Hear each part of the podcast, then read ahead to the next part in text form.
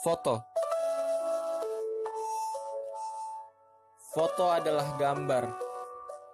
Di saat lampu menyala, kau bisa melihatnya. Di saat gelap, kau tak bisa melihatnya. Karena semua itu butuh yang namanya cahaya. Cahaya kegairahan hidup dalam jiwa. Foto adalah perantara antara insan yang satu dengan insan lainnya untuk bertatap muka.